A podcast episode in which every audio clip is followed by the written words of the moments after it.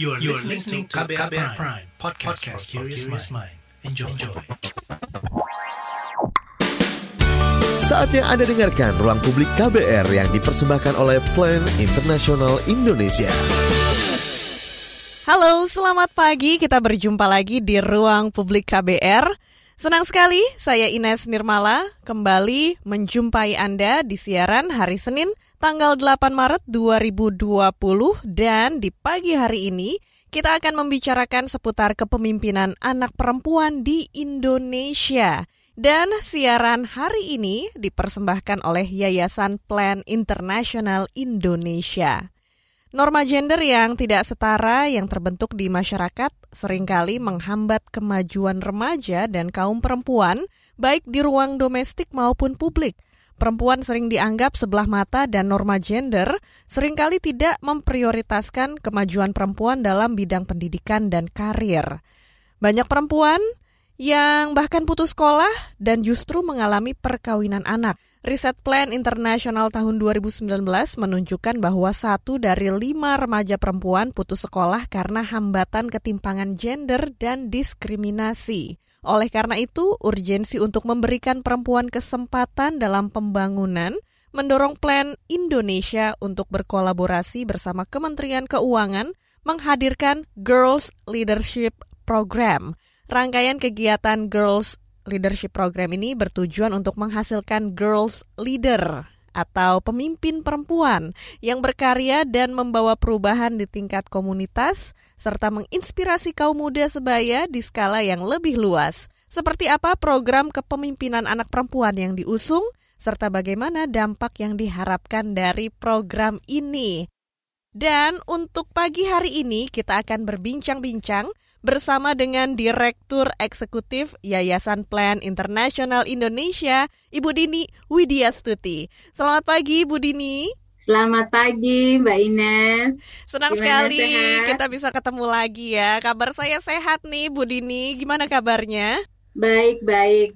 Saya mau ngucapin dulu untuk Mbak Ines dan semua perempuan Indonesia dan sebenarnya perempuan di seluruh dunia. Selamat Hari Perempuan Internasional. Wah, selamat Hari Perempuan Internasional. Hari ini tanggal 8 Maret kita merayakan hari yang spesial, hari yang penting untuk memperingati pencapaian perempuan di seluruh dunia. Iya. Nah, dari Bu Dini, dari Yayasan Plan Internasional apa yang mau disampaikan di Hari Perempuan Internasional ini dan apa yang penting untuk menjadi perhatian kita semua di Hari Perempuan Internasional? Iya, makasih Mbak Ines. Hari Perempuan um, Internasional ini kan sebenarnya sejarahnya cukup panjang iya. dari gerakan uh, para aktivis perempuan untuk menuntut haknya untuk bisa bersuara. Itu yang pertama kali. Karena memang suara perempuan harus didengarkan, harus menjadi bagian dari pengambilan keputusan di semua level dari dan tentu saja dari dalam rumah tangga, di komunitas ya, uh, hingga di kalau kita kabupaten, provinsi dan sampai nasional bahkan internasional.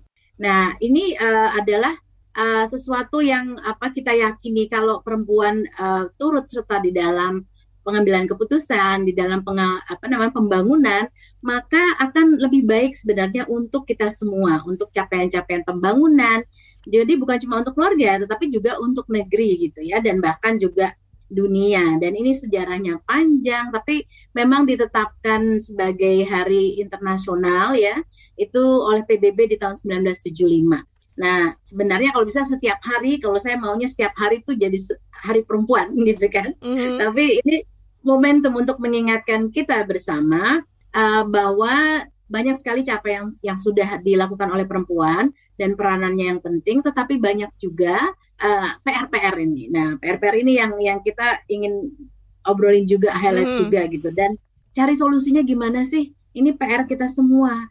Ya, sudah 45 tahun Hari Internasional ini ditetapkan, tapi masih banyak um, isu terkait dengan apa namanya ketidaksetaraan yang dialami oleh perempuan dan anak perempuan. Nah, karena plan ini apa namanya uh, adalah organisasi hak anak dan uh, juga memperjuangkan kesetaraan untuk anak perempuan. Kita ingin anak perempuan juga menjadi perhatian pada saat Hari uh, Perempuan Internasional ini.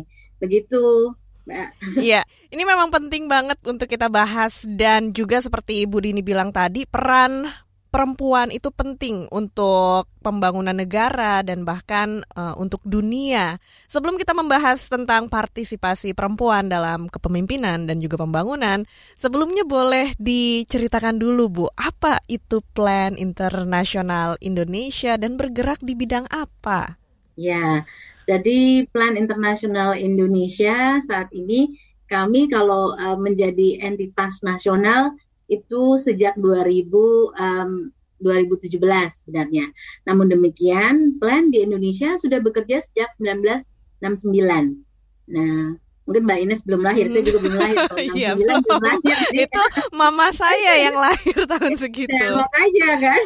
Nah, jadi udah lama banget, udah lama banget uh, di Indonesia sejak 69, tapi di internasional, di global itu di pertama kali di di Spanyol ya karena ada perang uh, sipil waktu itu mm -hmm. dan kemudian ada banyak anak-anak yang terlantar. Nah, itu tahun 1937 Mbak didirikannya. Nah, kemudian sejak itu kemudian menjadi suatu gerakan dan banyak sekali negara yang sudah bergabung dan kita sekarang bekerja di lebih dari 70 negara. Wow. Di Indonesia ini ya kami uh, bekerja sama dengan eh, kelompok-kelompok uh, masyarakat sipil uh, dan juga pemerintah tentunya dan juga private sector karena PR-nya banyak kalau ngurusin mengenai hak anak gitu ya. Anak apalagi hak anak perempuan gitu ya dan mm. kesetaraan gender. Ini banyak. Saat ini kami bekerja di um, lebih tujuh provinsi. Itu dari tingkat provinsi sampai ke dusun-dusun di mana khusus di NTT misalnya provinsi NTT kami ada sekitar 36 ribu anak dampingan yang didampingi dari mulai mereka bergabung dari lahir memastikan memiliki apa hak atas identitas jadi mm -hmm. akte kelahiran uh, sampai mereka uh, menjadi uh, siap apa masuk ke dunia dewasa begitu uh, sampai mereka umur 18 tahun dibekali dengan uh, selain juga apa namanya akses pendidikan gitu memastikan mereka punya akses pendidikan akses kesehatan yang ini sudah ditanggung pemerintah ya tapi kita hanya memfasilitasi memastikan bahwa no one left behind nah, ini hmm. connect dengan SDGs. Nah ini kita coba berkontribusi ke situ uh, dan mereka yang pasti juga bebas dari kekerasan. Uh, kemudian dan siap memasuki dunia kerja atau sebenarnya bahkan menciptakan lapangan pekerjaan untuk dirinya sendiri dan juga uh, rekan-rekannya. Ya. Wah, banyak PR yang harus dikerjakan oleh Plan Indonesia dan tadi Bu Dini juga sebutkan bahwa fokus terhadap anak perempuan dan kaum muda perempuan. Bagaimana peran dan komitmen Plan Indonesia dalam mendukung partisipasi para perempuan ini dalam pembangunan?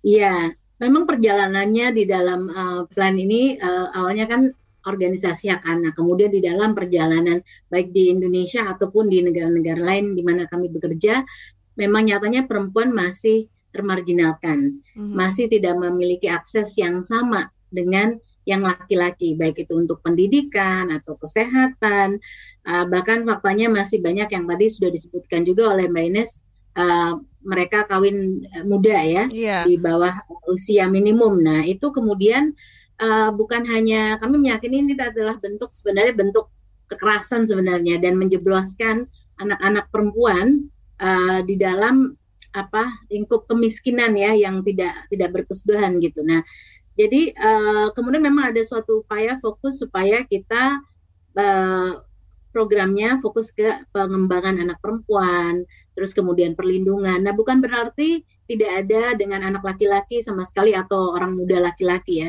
Karena plan ini dari nol apa targetnya adalah pendampingnya dari nol anak umur nol sampai uh, pemuda ya pem, atau pemudi umur 24 tahun nih Mbak. Jadi cukup range-nya cukup besar ya. Mm -hmm. Dan di setiap titik itu memang ada kekhususan bagaimana apa sih kita mencoba menganalisa dulu apa sebenarnya hambatan yang dihadapi oleh anak perempuan dan perempuan muda untuk berpartisipasi untuk mendapatkan akses uh, apa kesempatan ya yang sama dengan laki-laki.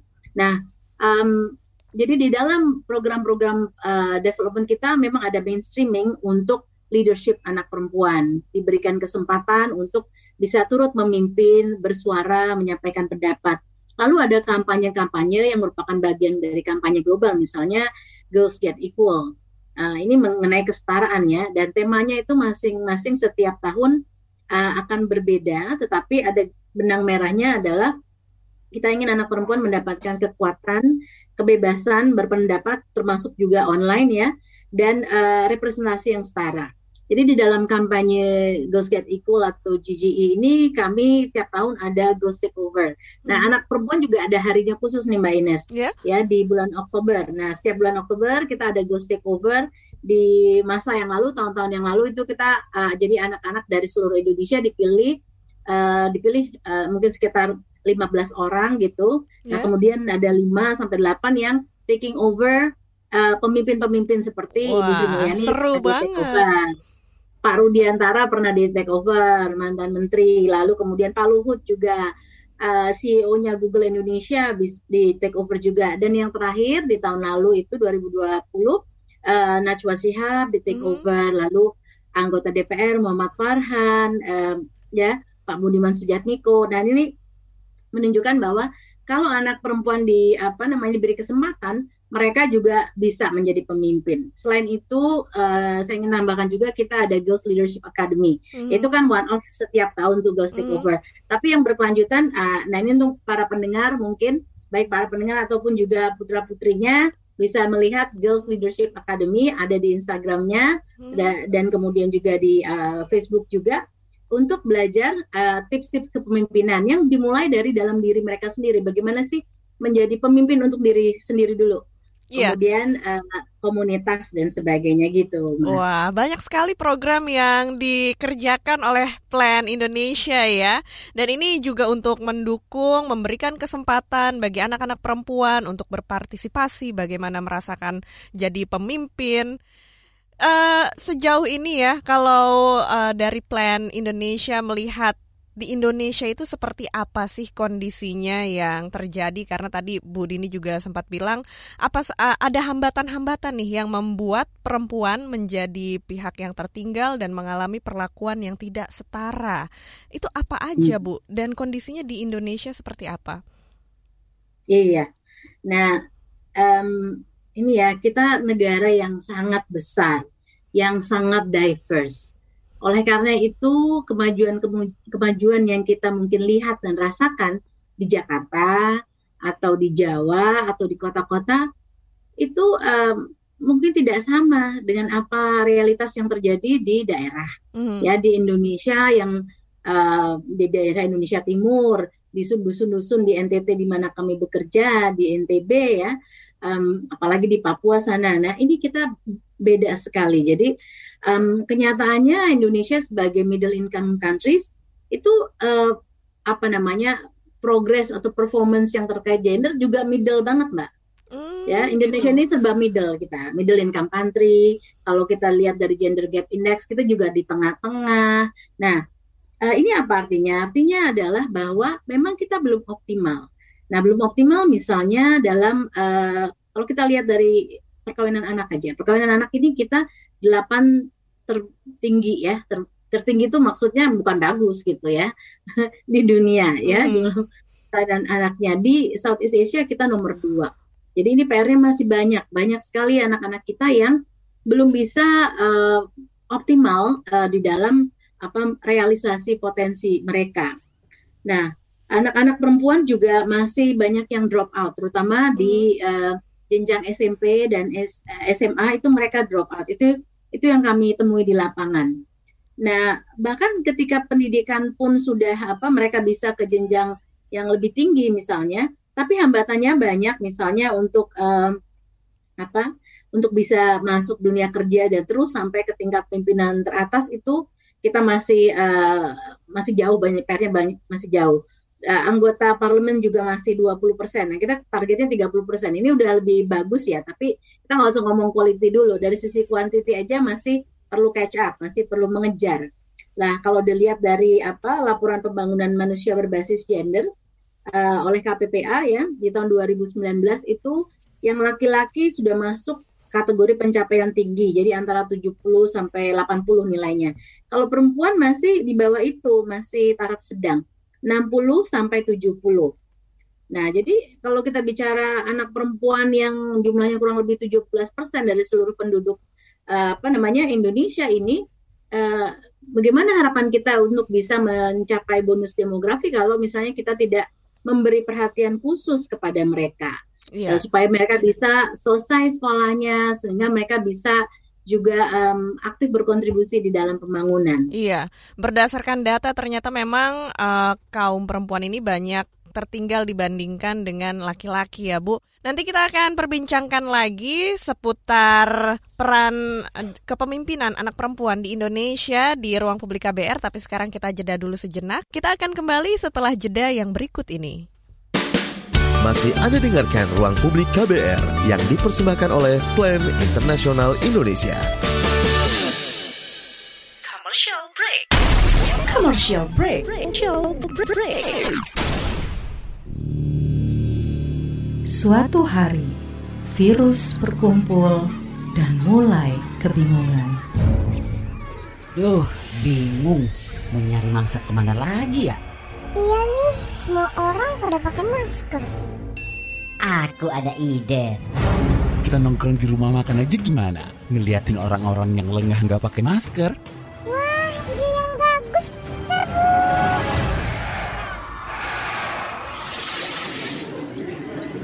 Hati-hati makan bersama saat pandemi. Sebaiknya pilih ruang terbuka, tetap jaga jarak kamu 1,5 meter jika duduk bersebelahan, 2 meter jika berhadapan. Batasi waktu makan bersama 30 menit saja dan jangan berbicara saat makan. Jika sudah selesai, gunakan kembali maskermu ya. Jangan sampai lengah, COVID masih ada. COVID masih ada. Pesan layanan masyarakat ini adalah kampanye bersama media lawan COVID-19. Masih Anda dengarkan Ruang Publik KBR yang dipersembahkan oleh Plan Internasional Indonesia. Kita kembali lagi di siaran Ruang Publik KBR bersama saya Ines Nirmala dan pagi hari ini tema yang kita bahas adalah kepemimpinan anak perempuan di Indonesia. Dan juga kita masih terhubung lewat Zoom dengan Ketua Yayasan, eh, Direktur Eksekutif Yayasan Plan International Indonesia, Ibu Dini Widyastuti. Bu Dini, Tadi kita sudah membahas bahwa Plan Internasional Indonesia itu punya banyak program untuk meningkatkan, memajukan kaum perempuan seperti misalnya ada Girls Takeover, ada Girls Leadership Program dan ini uh, kita juga memperjuangkan kesetaraan bagi uh, perempuan, kesetaraan gender. Boleh Budi ini jelaskan apa sih hubungannya kesetaraan gender dengan perekonomian dan juga pembangunan negara? Iya, Oke, ini pertanyaannya berat ya. berat banget, iya. tapi ini kan jadi penasaran juga orang gitu. Kenapa sih iya, perempuan betul, itu betul, harus betul. diberi ruang? Iya, iya.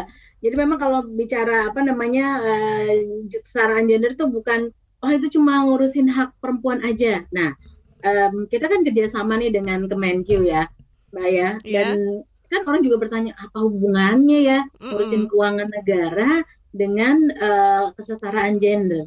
Nah, kalau kita lihat di Indonesia ini beberapa datanya, misalnya kalau data yang saya paling sering pakai itu adalah um, tingkat partisipasi uh, angkatan kerja yang perempuan. Mm -hmm. Nah, ini sudah berapa dekade sekitar 50% aja. Ini mengukur kontribusi dari perempuan-perempuan uh, di usia produktif ya yang masih bisa bekerja begitu terhadap pembangunan. Nah, kalau laki-laki itu sudah di sekitar 80-an mm -hmm. ya kalau perempuan 50-an. Nah, 50-an persen itu artinya apa? Masih ada sekitar 50 persen lagi gitu ya, perempuan Indonesia yang kontribusinya tidak tercatat. Tidak direkord di dalam pembangunan gitu ya. Nah, ini alasannya macam-macam sih Mbak, tapi bayangkan ya, kalau misalnya 30 eh 50 persen itu itu saya pernah ngitung itu kurang lebih sih sama dengan di jumlah beberapa apa namanya populasi beberapa negara Eropa sekaligus ya. Mm. kayak Belgia dan apa negara-negara itu di, di bayangkan kalau itu kemudian bisa potensinya direalisasikan. Maka nah, apa namanya bagaimana majunya Indonesia ini ya? GDP kita tumbuh akan lebih tinggi lagi.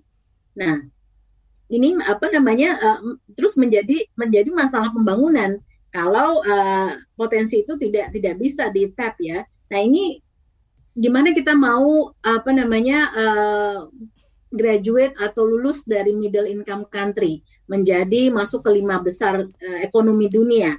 Kalau sebagian ya setengahnya ya perempuan kan setengah dari mm-hmm. dari apa penduduk itu tidak dioptimalkan, tidak mendapatkan apa kesempatan untuk belajar, berpartisipasi uh, di dalam uh, di pendidikan dan kemudian ketika mereka sudah mulai memasuki dunia kerja umur uh, produktif di dalam pembangunan. Nah, ini ini uh, sayang sekali sebenarnya kan.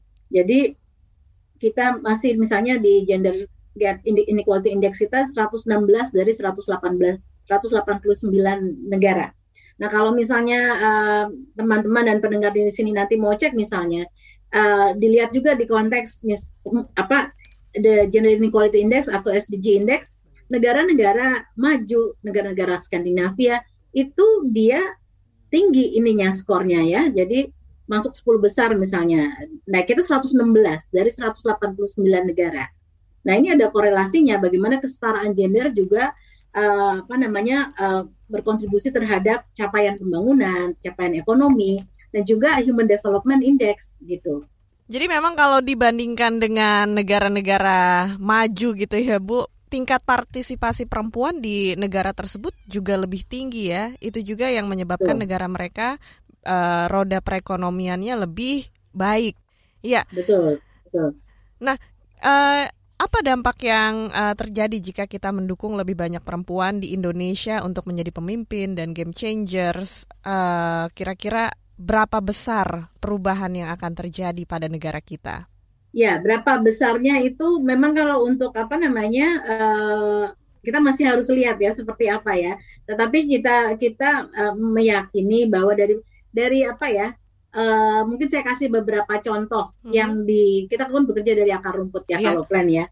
Bagaimana misalnya investasi atau program uh, pemberdayaan uh, anak-anak uh, pemuda perempuan gitu di uh, misalnya agriculture. Kita memperkenalkan pertanian gitu ya, keterampilan bertani yang yang yang green ya dalam artian uh, bagaimana memanfaatkan dengan kondisi air yang minimum misalnya di NTT bagaimana memanfaatkan lahan dengan baik. Nah, ini ada program kita di NTT ya, program Green Skills dan dan beberapa program-program sebelumnya di mana sudah berhasil Mbak uh, hmm. mengikut sertakan uh, para para pemudi-pemudi ini yang uh, biasanya tidak ada kesempatan untuk berkarya di kampungnya mereka dan harus uh, menjadi migrant workers atau keluar dari desanya. Nah, itu ada pendampingan kepada mereka dan sekarang mereka sudah membentuk kelompok-kelompok dan ada individu-individu yang tampil menjadi pemimpin sehingga mereka uh, tidak perlu lagi ke keluar ya kerja dari luar tapi bisa menjadi agripreneurs bukan cuma petani yang kayak zaman dulu tapi agripreneurs yang memang bisa mencukupi kebutuhan dirinya, keluarganya bahkan memberikan pekerjaan pada anak-anak muda di sekitarnya.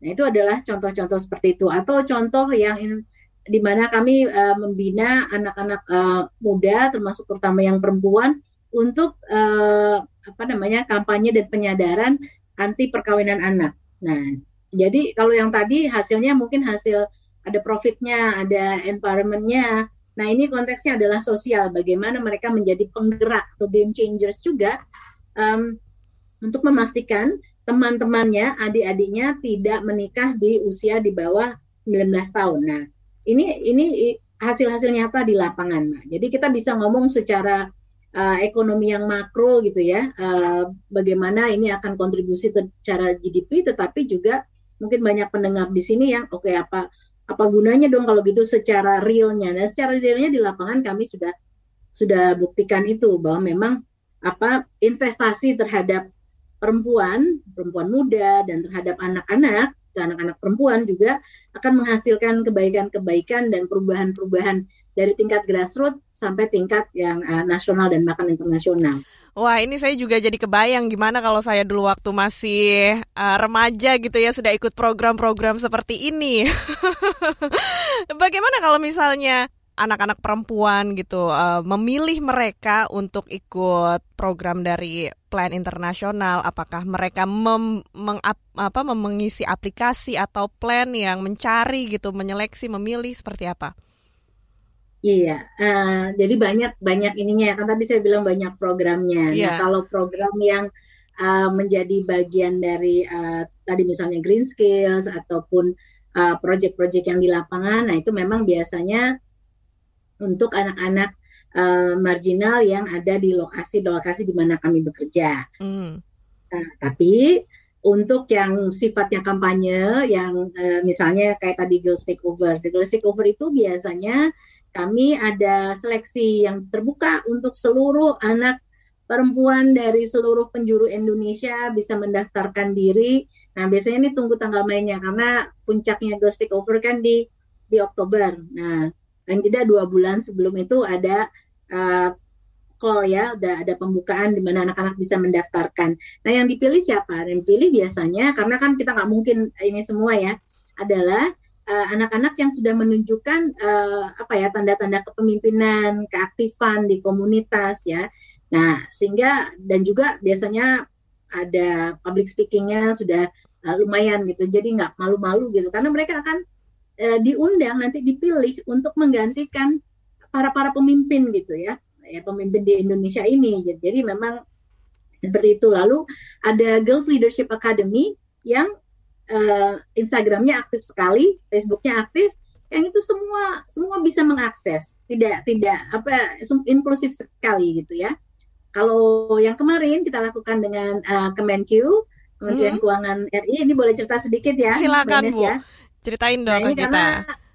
Iya nih, karena ini sesuatu yang uh, yang luar biasa di mana Ibu Sri Mulyani Indawati menjadi principal mentor uh, apa komitmen beliau terhadap kesetaraan gender dan juga kepemimpinan perempuan itu tinggi sekali dan apa kita punya shared values di mana ayo dong kita bareng-bareng untuk menciptakan pemimpin-pemimpin perempuan Indonesia di masa depan.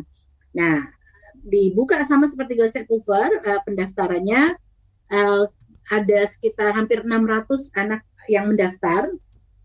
Kemudian dari 600 itu kita saring jadi 120 uh, anak ya dan 120 anak ini kemudian mengikuti uh, Girls Leadership Class di bulan Desember lalu di mana Ibu Sri Mulyani uh, sharing dan juga mendengarkan dari anak-anak tapi terutama sharing pengalaman beliau sebagai pemimpin ya tapi dari perjalanan beliau dari kecil sampai uh, sekarang gitu apa saja tantangannya yeah. dan memberikan tips kepada 120 anak ini Nah, dari 120 disaring lagi sampai ada 31 anak yang kemudian diberi mentorship khusus oleh para mentor-mentor ahli.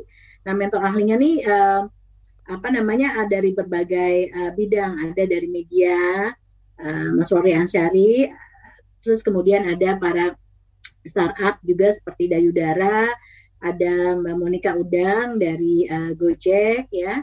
Nah, jadi ada beberapa mentor-mentor ahli yang mendampingi mentor ahlinya kan uh, usianya masih milenial juga. Jadi sangat relate banget ya dengan anak-anak ini. Yeah. Memberikan apa namanya motivasi dan anak-anak yang 31 anak-anak perempuan ini memang mereka memang sudah punya bakat-bakat pemimpin yang tinggal dimotivasi terus kemudian diberi pembakalan kepemimpinan dan ada sedikit dana sedikit sekali ya sebenarnya tapi dengan dengan investasi yang uh, ya minimal itu mereka bisa menghasilkan karya-karya di uh, sosial ya karya sosial di komunitasnya yang sangat menginspirasi dan membawa perubahan di lingkungan mereka.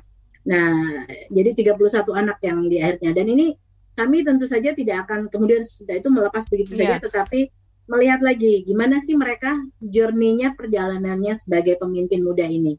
Begitu ya. mainnya. Baik, Bu Dini, kita akan lanjutkan perbincangan kita di ruang publik KBR seputar kepemimpinan anak perempuan di Indonesia. Dan setelah ini kita juga akan bacakan beberapa komentar dari pendengar kita. Kita akan kembali setelah yang berikut ini. Masih Anda dengarkan Ruang Publik KBR yang dipersembahkan oleh Plan Internasional Indonesia. Kita masih di siaran Ruang Publik KBR bersama saya Ines Nirmala dan juga Ibu Dini Widyastuti, Direktur Eksekutif Yayasan Plan Internasional Indonesia. Sekarang sudah ada pendengar kita yang bergabung lewat telepon yaitu Tari di Jogja. Kita angkat dulu teleponnya ya. Selamat pagi Tari. Halo, selamat pagi. Iya, Tari punya komentar atau pertanyaan apa seputar kepemimpinan anak perempuan di Indonesia? Aku mau nanya soal kegiatan yang leadership itu sih. Ya. Kayaknya menarik. Saya punya adik dan saya kan di daerah Yogyakarta. Ya. Uh, kegiatan ini tuh cuma ada di Jakarta atau ke sampai ke daerah-daerah juga sih? Ya. Dan gimana cara daftarnya? Apa dipilih atau bisa daftar sendiri gitu aja? Oke, itu aja. Iya. Terima kasih Tari di Jogja. Oke, Bu, uh, bisa dijelaskan lagi tadi cara pendaftarannya dan bagaimana yang di Jogja kalau mau ikutan program dari Plan? Iya, ya, uh, Tari, terima kasih pertanyaannya dan interestnya. Kalau boleh tahu, adiknya umur berapa ya tadi ya? Ah, adiknya umur berapa? Um, uh, umur? Ya, karena ada misalnya kan uh, umurnya. Jadi kalau uh -huh. yang kemarin leadership program itu kami dari uh, eh, 15 sampai ada yang uh, sampai 24 gitu ya. Mm -hmm. Nah, tapi uh, apa namanya uh, untuk Girls Leadership program dengan Kemenku kemarin itu batch pertama kemarin di mana yang ikut bukan cuma dari anak uh, Jakarta saja, justru uh, macam-macam ada dari Papua juga ada, dari Jepara, dari NTT, NTB. Jadi seluruh Indonesia yang ikut ya dan juga ada anak-anak dengan disabilitas ya hmm. jadi tidak semua apa ada ada teman-teman tuli juga yang ikutan hmm. nah kemudian uh, selain itu ada Girls Leadership Academy yang kalau Tari mungkin bisa cek dulu Instagramnya GLA ya Girls Leadership Academy gitu at GLA gitu itu um, itu sih uh, semua tipsnya dan kemudian ada webinar ya ada uh, talks yang sering banget setiap minggu kayaknya pasti ada mm. dan itu silakan ikut bebas lalu ada Girls Leadership Academy yang apa yang kelas gitu. Nah kita rencananya nih tadinya Mbak Ines dan para pendengar semua inginnya bikin yang offline. Yeah. nah ini sebelum covid. Lah terus sudah eh, pas covid kan jadi kita offline kan jadi kita apa namanya uh, virtual. Nah mudah-mudahan kalau sudah uh, pandemi ini usai, kita bisa bikin kelas yang offline di mana semua anak dari penjuru Indonesia bisa mendaftar, tapi memang yang untuk offline itu ada keterbatasan uh, eh, 50 ya, karena face to face gitu ya langsung 50 anak yang kami targetkan. Mudah-mudahan Juli itu sudah bisa terrealisasi, tapi ini memang tergantung kondisi kita saat ini ya, kondisi pandemi. Uh, jadi untuk uh, bisa apa tune in untuk GLA-nya yang uh, apa offline tadi yang memang kelas gitu ya itu cek-cek aja di di apa tadi di uh, baik di websitenya Plan Indonesia ataupun juga di Instagramnya Plan Indonesia di Instagramnya GLA atau juga di Facebooknya Plan Indonesia. Iya nah, langsung di follow sekarang ya Instagramnya GLA Girls Leadership Academy ya. Plan Internasional Indonesia juga dicari aja dan di follow supaya kalau ada informasi apa-apa kita bisa langsung lihat ada di timeline Instagram kita. Uh, baik, ada komentar juga Bu berikutnya dari Ardi Rosyadi. Uh, orang tua harus mendukung agar anak Eh, menjadi apa pun termasuk tidak mengkotak-kotakan gender, kenalkan keadilan gender sejak dini. Salut untuk plan. Baik, berikutnya juga ada telepon dari Tri di Jakarta. Kita angkat teleponnya. Selamat pagi, Tri. Halo, selamat pagi, Mbak. Iya, apa yang mau disampaikan? Iya, uh, selamat pagi untuk Ibu Dini. Maaf, uh, saya nggak mengikuti sejak awal. Tapi uh, yang menjadi concern saya adalah ketika pandemi ini katanya kan angka pernikahan anak itu kan uh, bertambah begitu ya uh, karena uh, putus sekolah karena uh, masalah ekonomi begitu. Nah seperti apa uh, Ibu Dini melihat uh, tingginya atau naiknya angka pernikahan anak ini uh, terhadap masa depan anak sendiri dan tentunya ini akan mempengaruhi uh, tidak hanya soal kepemimpinan tapi masa depan mereka sendiri dan uh, uh, keluarga mereka juga. Uh, seperti apa Anda melihat dan apa upaya yang bisa dilakukan untuk memperburuk kondisi uh, ini? Itu saja. Terima kasih. Ya, terima kasih Tri di Jakarta. Terima kasih ya. Pak Ardi, ini masih nyambung juga nanti saya akan apa bicara dengan apa yang sudah dikatakan oleh Bu Tri atau Mbak Tri tadi yang dari Jakarta ya. Uh, peran orang tua, peran orang tua itu memang penting sekali ya. Jadi kami juga bekerja dengan orang tua dari apa dengan parenting class ya untuk anak-anak supaya orang tua juga mengerti nih bagaimana sih me, kan beda ya tantangannya uh, apa mengurus anak-anak yang masih di, zaman sekarang dengan dulu gitu ya. Zaman sekarang orang tuanya juga mesti melek internet, mesti ngerti hmm. juga sosial media uh, supaya anak-anaknya bisa terlindungi juga. Apalagi di masa pandemik ini anak anak-anak tidak bisa uh, bebas uh, tidak bisa bersekolah ya yang face to face, kemudian banyak online. Nah, ini bagaimana melindungi mereka. Nah, kami ada uh, apa untuk anak-anaknya pendampingan uh, sehingga mereka bebas berekspresi uh, secara online. Karena memang uh, tadi Ibu sudah Bu Tri mengatakan perkawinan anak. Perkawinan anak ini kalau data dari pemerintah di selama tahun 2020 uh, ada hampir permintaan dispensasi perkawinan di bawah umur ya di bawah 19 tahun hmm. itu ada hampir 70 ribu Mbak Ines. Wah, tinggi uh, sekali yang, angkanya ya. 70 ya request dan biasanya 97% dari request atau permintaan dispensasi ini dikabulkan. Oh, seperti nah, itu ya? Seperti itu. Jadi eh, apa ada peningkatan yang berkali-kali lipat di masa pandemi dan juga memang karena ada peningkatan minimum eh, apa namanya eh, usia pernikahan itu ya. Nah, itu itu berkontribusi. Selain itu juga eh, jumlah kekerasan di dalam uh, domestik di dalam rumah tangga juga mm. juga meningkat ya. Nah, kekerasan Komnas Perempuan mencatat ada lebih dari 1.200 kekerasan uh, sepanjang Maret hingga Mei 2020. Jadi cuma Maret sampai Mei itu ada lebih dari 1.200, hampir yeah. 1.300. Nah, uh, kemudian jumlah dropout juga sudah disinyalir ya memang beberapa UNICEF kemudian Malala Fund juga mengatakan bahwa um, apa dampak dari pandemi ini akan sangat besar sekali ya berjuta anak Indonesia, eh, anak di, di seluruh dunia termasuk juga di Indonesia yang terancam uh, drop out ya. Nah, uh, kalau sudah drop out, biasanya apalagi di pedesaan, di mana kesempatan kerja nggak usah pandemi aja kesempatan kerja udah sulit gitu ya. Hmm. Di masa pandemi apalagi mau apa? Pilihannya biasanya ya udah menikah aja, kawin aja. Selain itu juga mereka tidak punya uh, akses terhadap pengetahuan tentang kesehatan reproduksi. Uh, jadi juga dan tidak berpikir panjang. Oke, kalau membentuk keluarga itu apa sih gitu ya? Kan sebenarnya banyak sekali tanggung jawab ya untuk menjadi orang tua gitu ya. Sehingga anak-anak itu bisa sehat, bisa terlindungi dan sebagainya.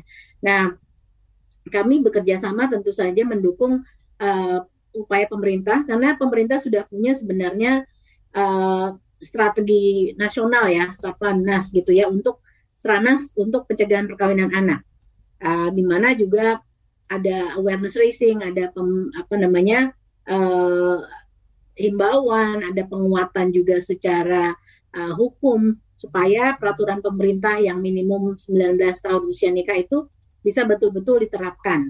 Nah, tapi itu saja kan sebenarnya tidak cukup karena harus dimulai dari keluarga, dari dari orang tua, dari komunitas untuk bisa juga um, mengantisipasi dan dan melindungi anak dari um, perkawinan anak. Jadi kami uh, kalau di di komunitas bekerja sama dengan uh, teman-teman CSO lokal, ASEAN lokal dan juga teman-teman di komunitas kelompok komunitas untuk membentuk komite perlindungan anak desa ya di mana mereka juga salah satunya uh, mendeteksi nih kalau hmm. misalnya ada rencana anak yang di bawah umur yang mau dikawinkan, kemudian intervensi uh, kepada orang tua dan kepada uh, pemuka agama gitu ya untuk kalau bisa ditunda dulu anak biarkan sekolah dulu begitu ya kalau sudah ada yang uh, terlanjur menikah ya anaknya juga didampingi sehingga tidak ada stigmatisasi terhadap ini anak tersebut dan sehingga anak tersebut bisa tetap bersekolah. Bagaimana caranya hmm. supaya mereka tetap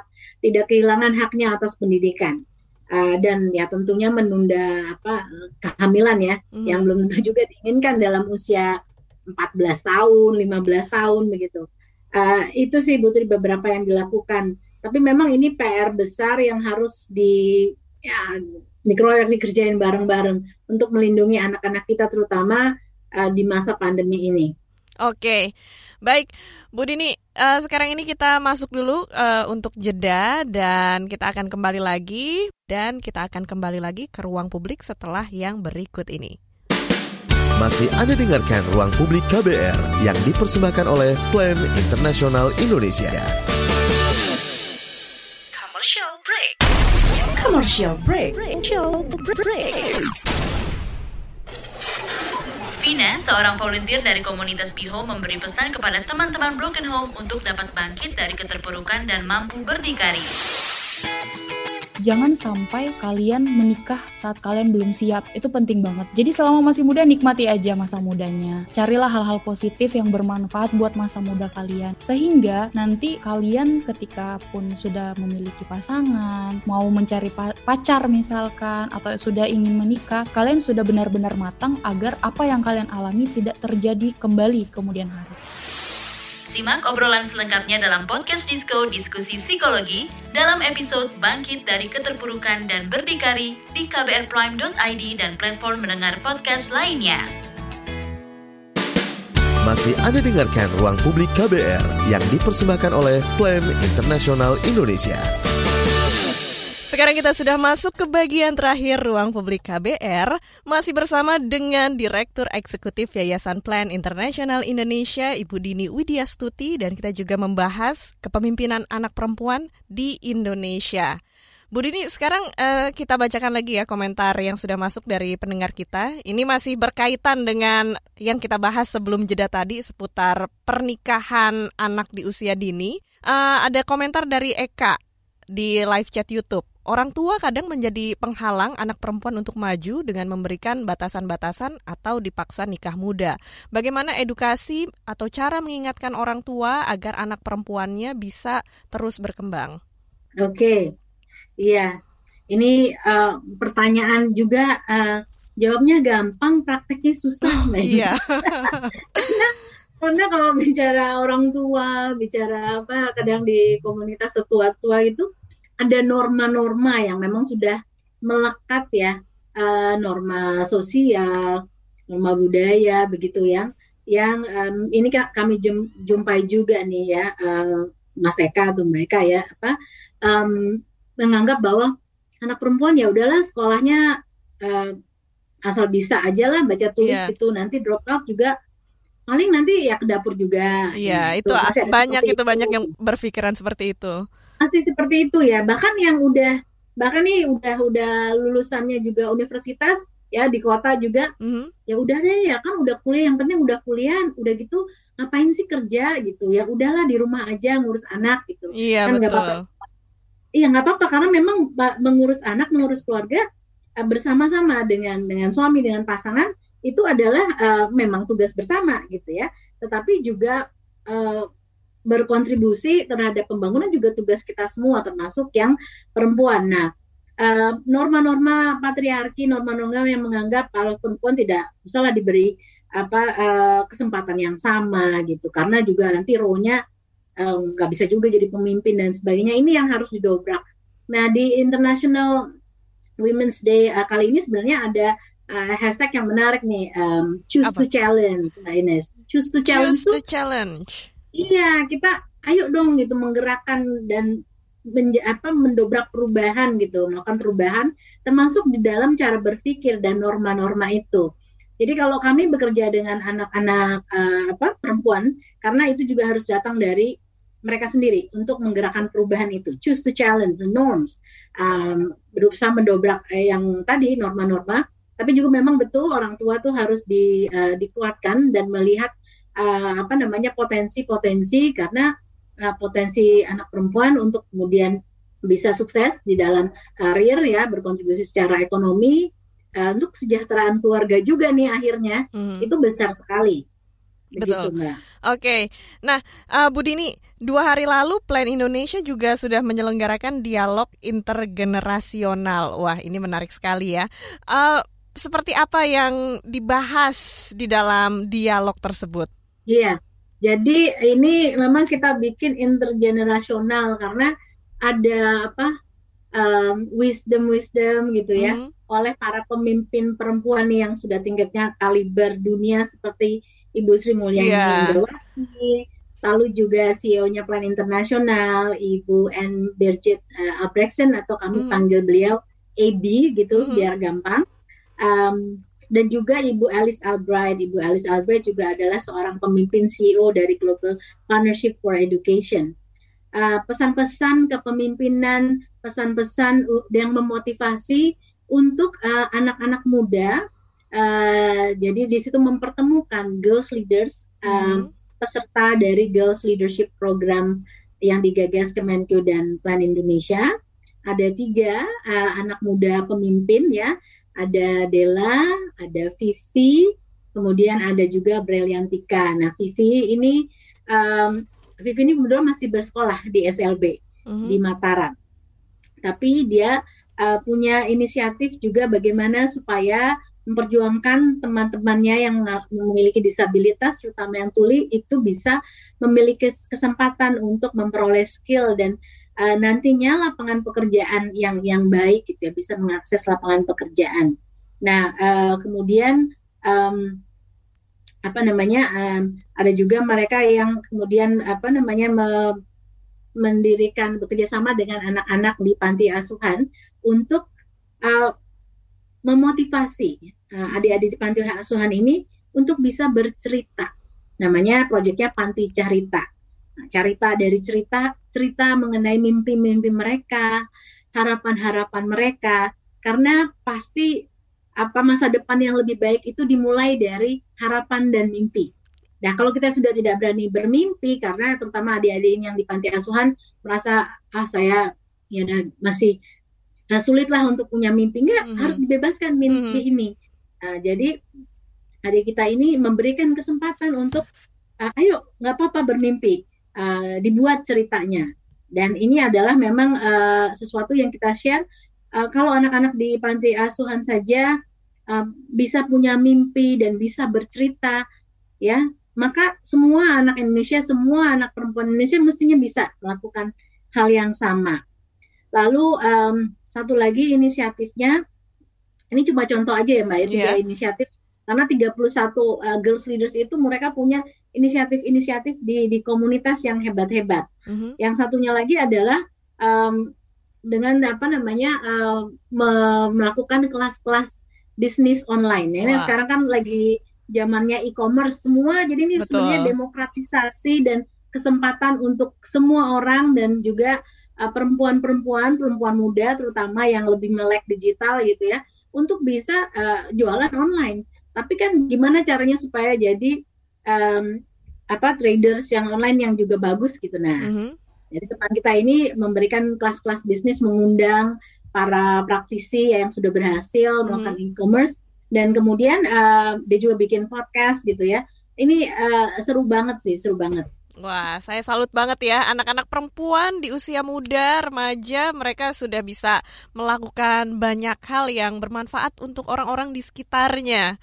Nah, Bu Dini, hari ini berkaitan dengan Hari Perempuan Internasional sekaligus kita uh, menutup acara di ruang publik hari ini. Apa yang ingin disampaikan dan apa yang dapat kita semua lakukan untuk mendukung, mewujudkan kepemimpinan dan meningkatkan peran serta perempuan? Iya, saya ingat uh, karena baru dua hari kemarin ya yeah. intergenerational dialogue itu ya. Uh, oh saya mau pesan juga untuk untuk yang teman-teman yang terlewat nih acaranya masih bisa mm -hmm. kok lihat di YouTube-nya Kemenkyu Kementerian Keuangan masih bisa dilihat di Facebooknya Plan Indonesia jadi masih bisa tune in gitu.